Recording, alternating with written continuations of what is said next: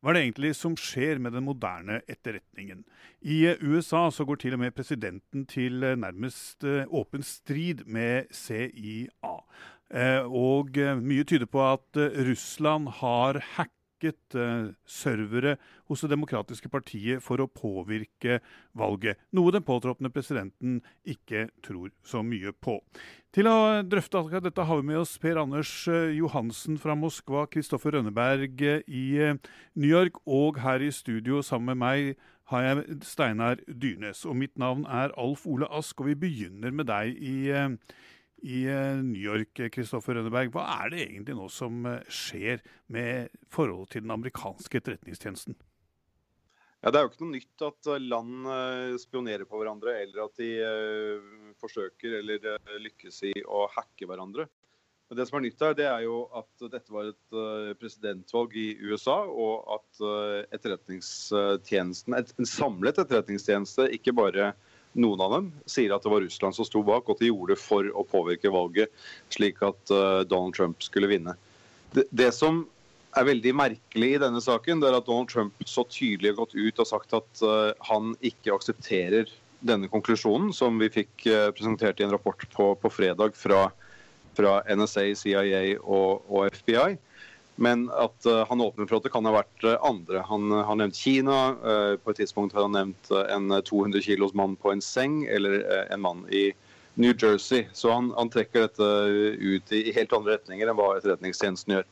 Og Det skaper jo et lite dilemma, fordi det er ikke mange dagene igjen til Donald Trump skal bli president. og Da skal han altså overta ledelsen av disse etterretningstjenestene, som han nå er i åpen konflikt med. Og det skaper jo ikke akkurat tillit eh, til, eh, til systemet for, eh, for, de som jobber i dette systemet, eller kanskje heller ikke for, for USAs allierte. Og Hvordan er det, Per Anders? Ler russerne seg nær sagt i hæl på vei til det hemmelige arkivet? Altså Er det slik at de nå sitter og fryder seg over det som skjer i USA? Vel, Det er ikke noe tvil om at russerne nå ønsker å bruke mm, anledningen med en ny president i USA til å få et bedre forhold til, eh, til eh, Trump. Når det gjelder denne saken, her, så, eh, så, dekkes den på to måter. For det første så er jo russerne veldig kry av at de har fått lov til å spille en så stor rolle i presidentvalget. Det er jo et paradoks at her borte bruker man jo mer ressurser på å følge det amerikanske presidentvalget enn sitt eget valg nå i høst. På den andre siden så det, har det vært veldig lett for eh, Kreml å eh, tilbakevise og nesten latterliggjøre de anklagene som har kommet, ikke minst fordi at eh, det er jo ikke lagt fram klare beviser ennå for at det var russerne på Putins ordre som ga ordren.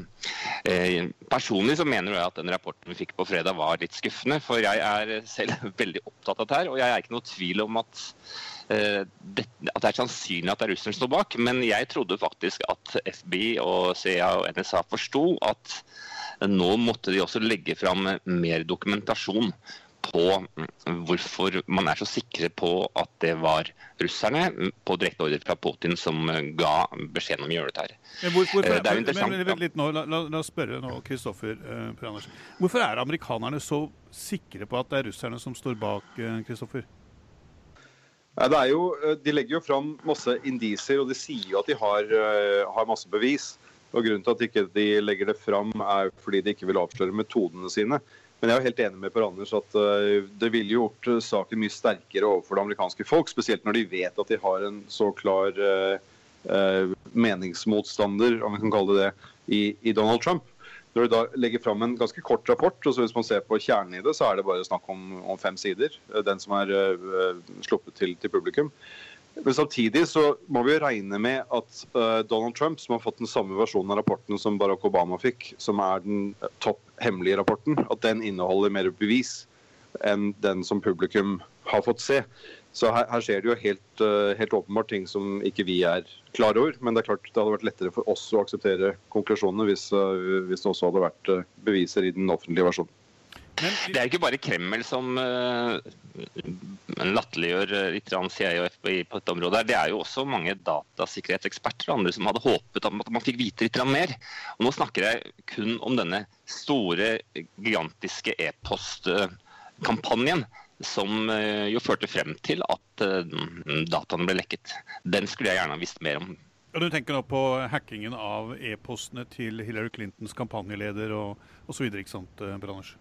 Ja, altså Det vi vet, er at noen som da uh, hadde et russisk tastatur, sendte ut tusenvis av e-poster til, uh, en, ja, til, mennesker i uh, amerikansk vestlig etterretning, vestlige amerikanske politikere, og også mange andre. og fikk dem da til å klikke på en på en link i denne e-posten. her. Altså De ble lurt til rundt. Det var veldig få som lot seg lure, men de som lot seg lure, de var av viktige mennesker, som da eh, som eh, Hillarys eh, kampanjesjef, eh, som Colin Powell og andre. Og dermed så ble de lurt. Det, det mest utrolige, syns jeg, mm, eller en av de mange utrolige tingene med denne saken her, er jo at dette kunne skje. For dette er jo noe vi har vært bekymret for i mange år. Det er jo fem-seks år siden at man eh, hadde de virkelig store eh, første lekkasjene, eh, hvor enorme mengder data ble stjålet eh, fra, fra, vestlige kilder fordi at eh, man ble, lot seg lure. Men, men, men, men, denne saken uh, dreier seg om flere ting. Det dreier seg om hacking av servere, hvor det er lekket e-mailer ikke sant, fra, fra valgkampledelsen til Hillary Clinton. Det dreier seg også om falske, altså e-poster som er sendt rundt omkring eh, hvor man har drevet slags sånn falske kampanjer. Altså, det, dette er jo en aksjon som ifølge da eh, etterretningen har foregått på, på ulike, ulike, plan. ikke sant? Sånn at det, det, det, virker som en ganske sofistikert operasjon. Ikke sant, Kristoffer? Eh, ja, Det virker jo sofistikert samtidig som det er helt tydelig at uh, John Podesta, altså kampanjen til, til, Clinton og andre har gått i baret både med dårlig beskyttelse av egen e-post og at de har uh, ikke fulgt sine egne IT-rådgiveres råd, og, og, at de har eh, kanskje gått i feller som de burde ha unngått å gå i, slik eh, beskriver. Og Det var ikke bare demokratene som gjorde det. Denne Rapporten fra, fra etterretningsorganisasjonene sier jo også at, at uh, det ble hacket inn på uh, republikanernes servere og ble hentet ut informasjon. Men at de som hacket, og det hevder de er russerne, ikke brukte den informasjonen fordi den ikke passet inn i i eh, målet med hackingen, som jo var å få Donald Trump til å bli president. Steinar Dyrnes, eh, en slikt eh, forhold, et så dårlig forhold mellom etterretningen og en påtroppende president som det man har i USA nå, fins noen paralleller til det i tidligere amerikansk historie? Så vidt jeg husker, så er jo det fullstendig uten sidestykke. Uh, det er jo kanskje mye av grunnen til at Barack Obama nå gikk ut før eh, den nye presidenten tok over med disse sanksjonene som kom i, i romjula. Eh, enkelte har kritisert Obama for at det tok for lang tid. Eh, andre hadde, hadde ønska at han skulle vente at den nye presidenten tok over. Men når det har kommet da en situasjon hvor den påtroppende presidenten benekter at Russland står bak hackinga, så mener jeg at det ville vært en unnlatelsessynd for Obama å vente med sanksjonene til den nye presidenten tok over, som vil skje den 20. januar. Men Kristoffer, eh, eh, dette med, med, etterretning i USA, dette at USA alltid har visst litt mer enn alle andre, hatt et vanvittig nett rundt omkring i verden, det har jo på mange måter vært eh, en av supermaktens eh, viktige hva skal man si, ressurser. Eh, Betyr det nå at eh, man i USA begynner å tvile mer på etterretningstjenesten, også etter hva som skjedde med Irak, etter alle lekkasjene man har hatt med Snowden osv.? Er tilliten til tjenestene frynsete? Ja, det tror jeg absolutt. Og eh, kan jeg også ta med, altså Når du nevner overvåking, James Clapper, også den øverste etterretningssjefen, han satt i en høring i Senatet for bare et par år siden og sa at NSA ikke overvåket egne borgere. Og så viste det seg jo relativt raskt at eh, det gjorde de. Så man, man, skal ikke stole på eh, det de sier, eh, verken i offentligheten eller, eller, andre steder. Men samtidig så må man jo ta i betraktning at uh, dette er De tar en enorm risiko her ved å gå ut med denne informasjonen bare to uker før de får en ny leder. Altså, dette er jo ikke som Irak-krigen, hvor, hvor, de politiske myndighetene nærmest krevde at etterretningsorganisasjonene skulle komme opp med beviser som gjorde at de kunne gå til krig. Her er det jo det stikk motsatte. Her er det jo en påtroppende president som aktivt jobber mot at de skal komme fram til de konklusjonene de har gjort.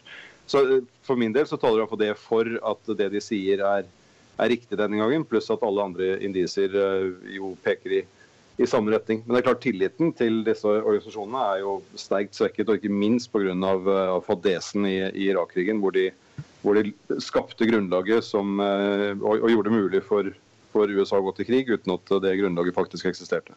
Mm. Men Det er jo en annen side ved dette her også, tenker jeg. og det er at altså Denne saken her er jo ekstremt stor og viktig. Eh, konklusjonen i det vi her snakker om, er jo da faktisk hvis det er sant at russerne har vært med på å påvirke utfallet av, eh, av hele det amerikanske valget. Og dette er jo en sak som eh, amerikanerne er nødt til på en eller annen måte å gå gjennom og komme i, i bunnen av. Og det er omtrent bare en tredjedel av amerikanerne som i hvert fall her rundt juletider trodde på at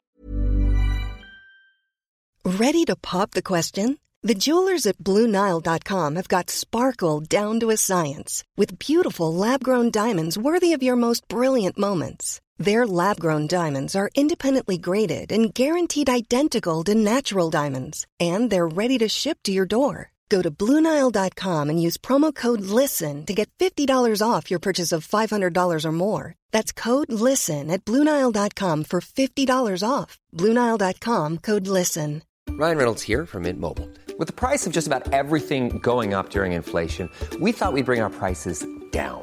So to help us, we brought in a reverse auctioneer, which is apparently a thing. Mint Mobile unlimited premium wireless. Ready to get 30, 30, bit to get 30, bit to get 20, 20, 20, bit to get 20, 20, bit to get 15, 15, 15, 15 just 15 bucks a month. So, Give it a try at mintmobile.com/switch. slash $45 up front for 3 months plus taxes and fees. Promo rate for new customers for limited time. Unlimited more than 40 gigabytes per month slows. Full terms at mintmobile.com.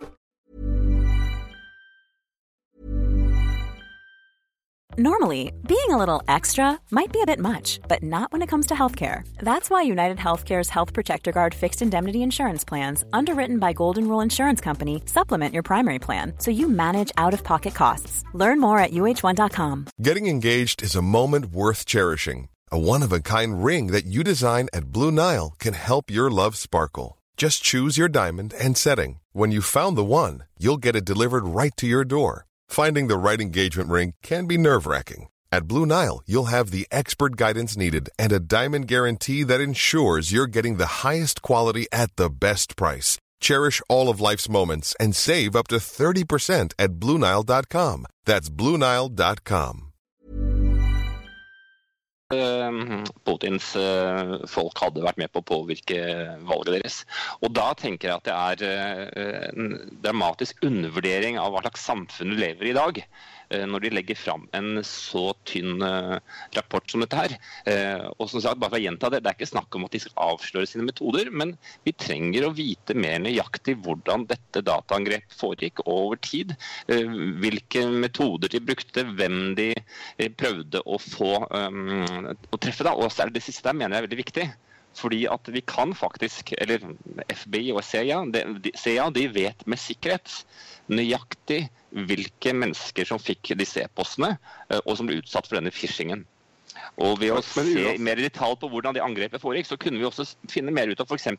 begynte dette her med det som jo er et scenario og en typisk skal si, russisk måte å gjøre det på er at man har mange små ulike datamiljøer som har en tilknytning til etterretningen, som har en tilknytning til myndighetene, men som hele tiden jobber for en måte, som hele tiden er ute på utkikk etter å stjele og finne informasjon. Og så finner de noe, og så får de betaling. Altså Det er en slags altså, Hvor bevisst dette har vært fra russernes side gjennom hele den prosessen, er jeg litt i tvil om. Alle vet at de hadde motiv for det, og det er ingen overraskelse at eh, Putin ønsket at eh, Trump skulle vinne. Men eh, jeg er litt redd for at vi gir et inntrykk av at Putin er så mektig at han kan sitte og avgjøre hva som helst i hele verden, f.eks. det amerikanske valget. Her trenger vi ordentlig fakta på bordet. Dette var også et spørsmål som ble eh, stilt på, på høringen på, på, torsdag i Senatet, hvor både James Clapper, altså den øverste etterretningssjefen, og, og, to andre etterretningssjefer satt og, og ble, ble, grillet av senatorene. Så, så, så, spurte det var jo Lindsey Graham mener jeg, som spurte James Clapper om noe av, denne, av dette omfanget og av, det, denne viktige, av, denne viktigheten kunne skje uten Putins uh, kunnskap og, og, godkjennelse. Hvor han svarte kontant at det, det, var ikke mulig. Men jeg tenker uansett, altså, uansett hvem som sto bak og, og um, i hvor stor grad dette var, var, planlagt at det skulle få så store konsekvenser som det gjorde, så har det jo ført til at Donald Trump er ekstremt svekket uh, som president når han overtar. Og Det ser man jo også på Twitter-feeden hans. Eh, jeg tror, etter å ha fulgt Twitter-feeden hans i et par år nå, at, eh, at, man kan fortelle litt om hva han tenker til enhver tid. For det er veldig spontant mye av det han twitrer. Og de siste dagene så har det i veldig stor grad handlet om rapporten og om russerne og om valgresultatet. Så jeg, jeg tror, og dette var noe The New York Times også stilte i et, et spørsmål i en lederartikkel i forrige uke, at det kan være altså Trumps reaksjon kan også handle om at han frykter at hvis han går med på at russerne hacket valget, så går han også med på at han ikke vant dette valget på egen hånd, og at eh, han på en måte blir delegitimert av det. Og Det tror jeg også han blir i, i mange andres øyne, hvis, hvis, man aksepterer den konklusjonen at det var russerne som sto bak. Steiner? En viktig ting å påpeke tror jeg er at Pranders viser til det at eh, det var rundt en tredjedel amerikanere uh, tror ikke at Putin har påvirka valget.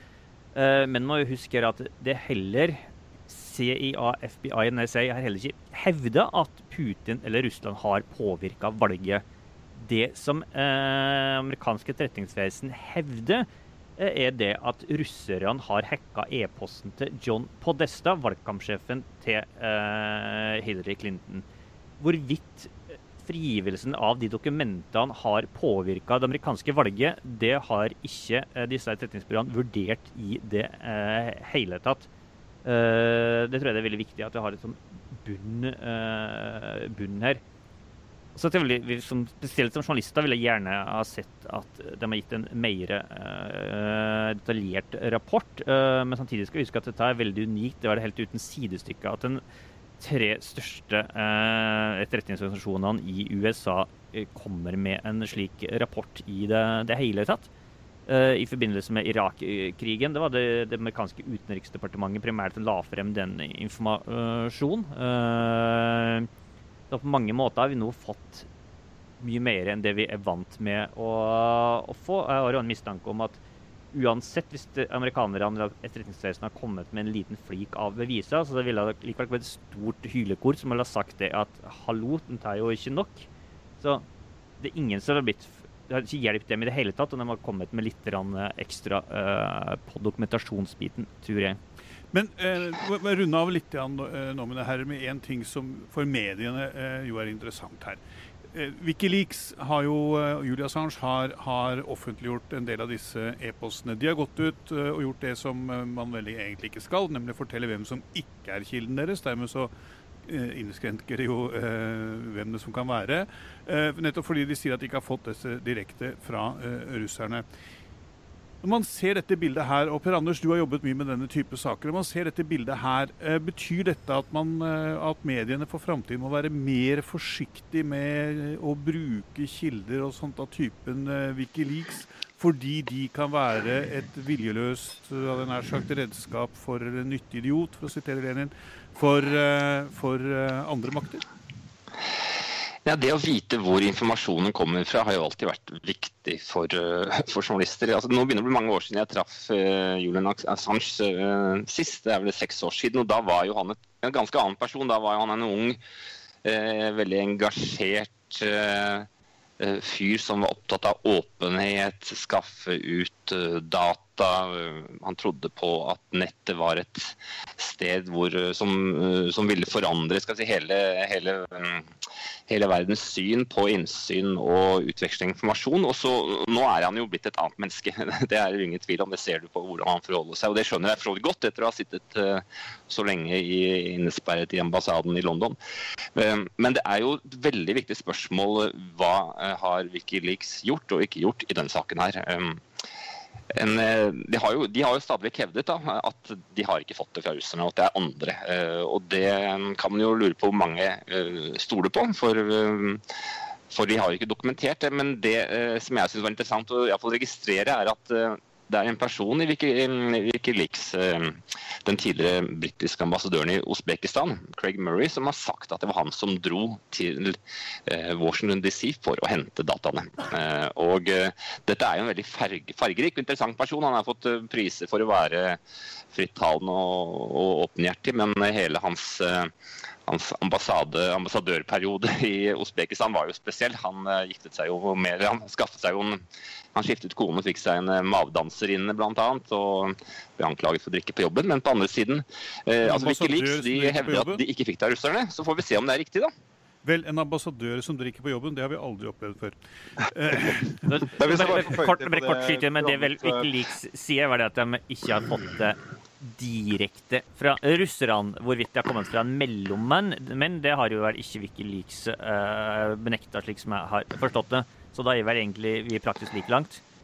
Ja, og dette, Det som skildrer denne saken her fra f.eks. Eh, kablene, eh, lekkasjen av, av kabelen, da visste jo Wikileaks eh, hvem det var som hadde gitt det til dem.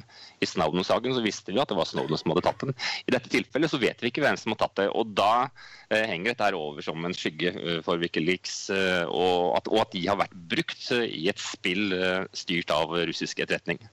Men For å legge til eh, noe på det for Anders sier, dette er jo, eh, dette er jo en situasjon som vi, vi, også husker fra Aftenposten, som uh, nevnte kabelen, altså disse dokumentene fra det amerikanske utenriksdepartementet som vi bl.a. fikk tilgang til i, i slutten av 2010.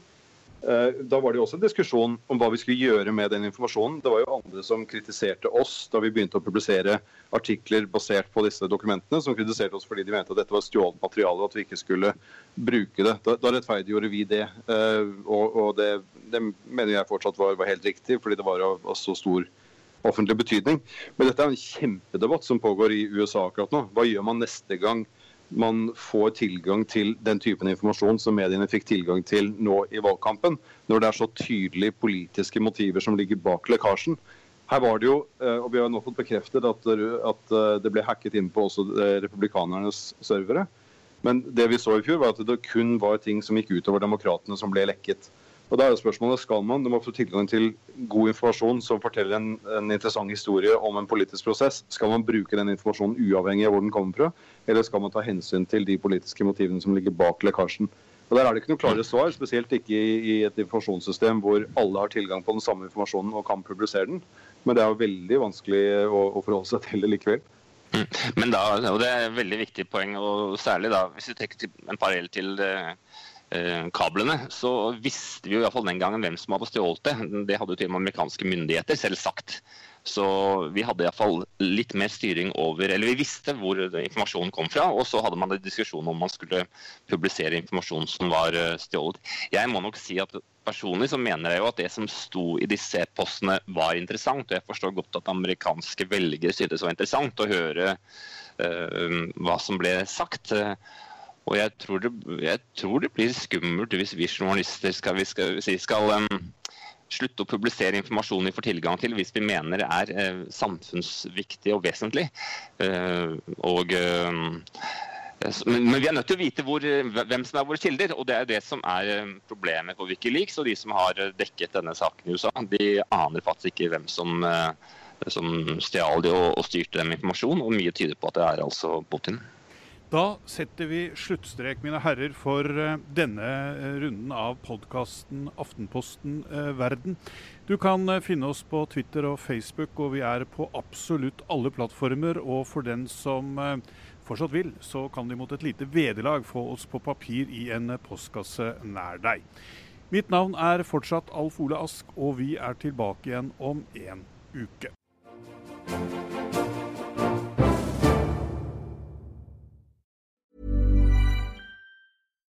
Botox Cosmetic, out of botulinum toxin A, FDA approved for over 20 years. So, talk to your specialist to see if Botox Cosmetic is right for you. For full prescribing information, including boxed warning, visit BotoxCosmetic.com or call 877-351-0300. Remember to ask for Botox Cosmetic by name. To see for yourself and learn more, visit BotoxCosmetic.com. That's BotoxCosmetic.com.